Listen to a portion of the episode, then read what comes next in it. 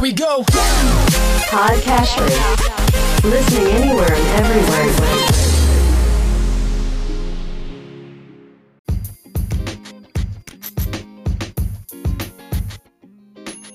Welcome to Weekly Investment Podcast bersama saya Ferdian Syahputra dari Ispring Investment Indonesia untuk Prudential Indonesia.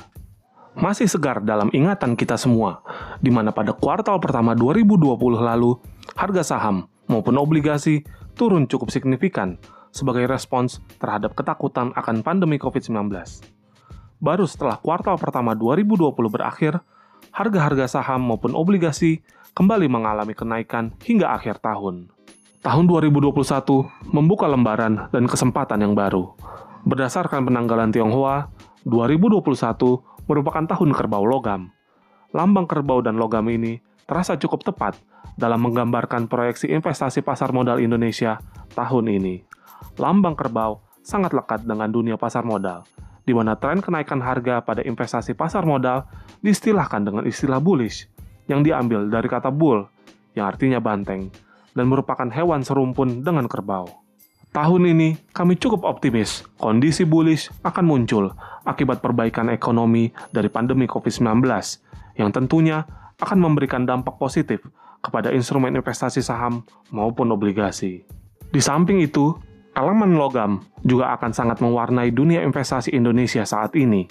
Seperti kita ketahui, Indonesia memiliki kandungan logam yang berlimpah, seperti nikel dan tembaga, yang akan membuat Indonesia memiliki keunggulan kompetitif ke depannya, karena kedua logam ini diperlukan dalam penggunaan energi terbarukan yang akan sangat dibutuhkan oleh dunia.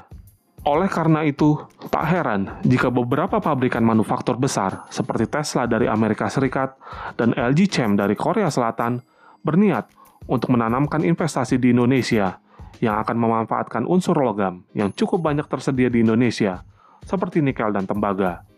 Dalam portofolio dana investasi saham yang kami kelola sendiri, kami telah memasukkan beberapa emiten yang mengelola beberapa unsur logam yang memang cukup prospektif ke depannya.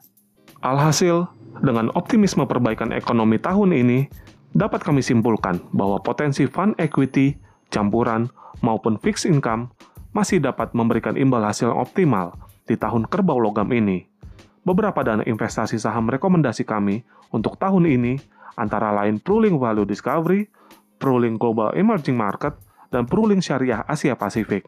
Lalu untuk dana investasi campuran, bisa memilih Pruling Syariah Rupiah Multi Asset Fund, Pruling Managed Fund, dan Pruling Managed Fund Plus. Sementara untuk dana investasi pendapatan tetap, dapat memilih Pruling Rupiah Fixed Income Fund dan Pruling Syariah Cash and Bond Fund. Kami tetap menghimbau agar nasabah selalu memilih dana investasi berdasarkan profil risiko masing-masing. Demikian Weekly Investment Podcast mengenai potensi investasi di tahun kerbau logam. Selamat tahun baru Imlek, Gongsi Pacai.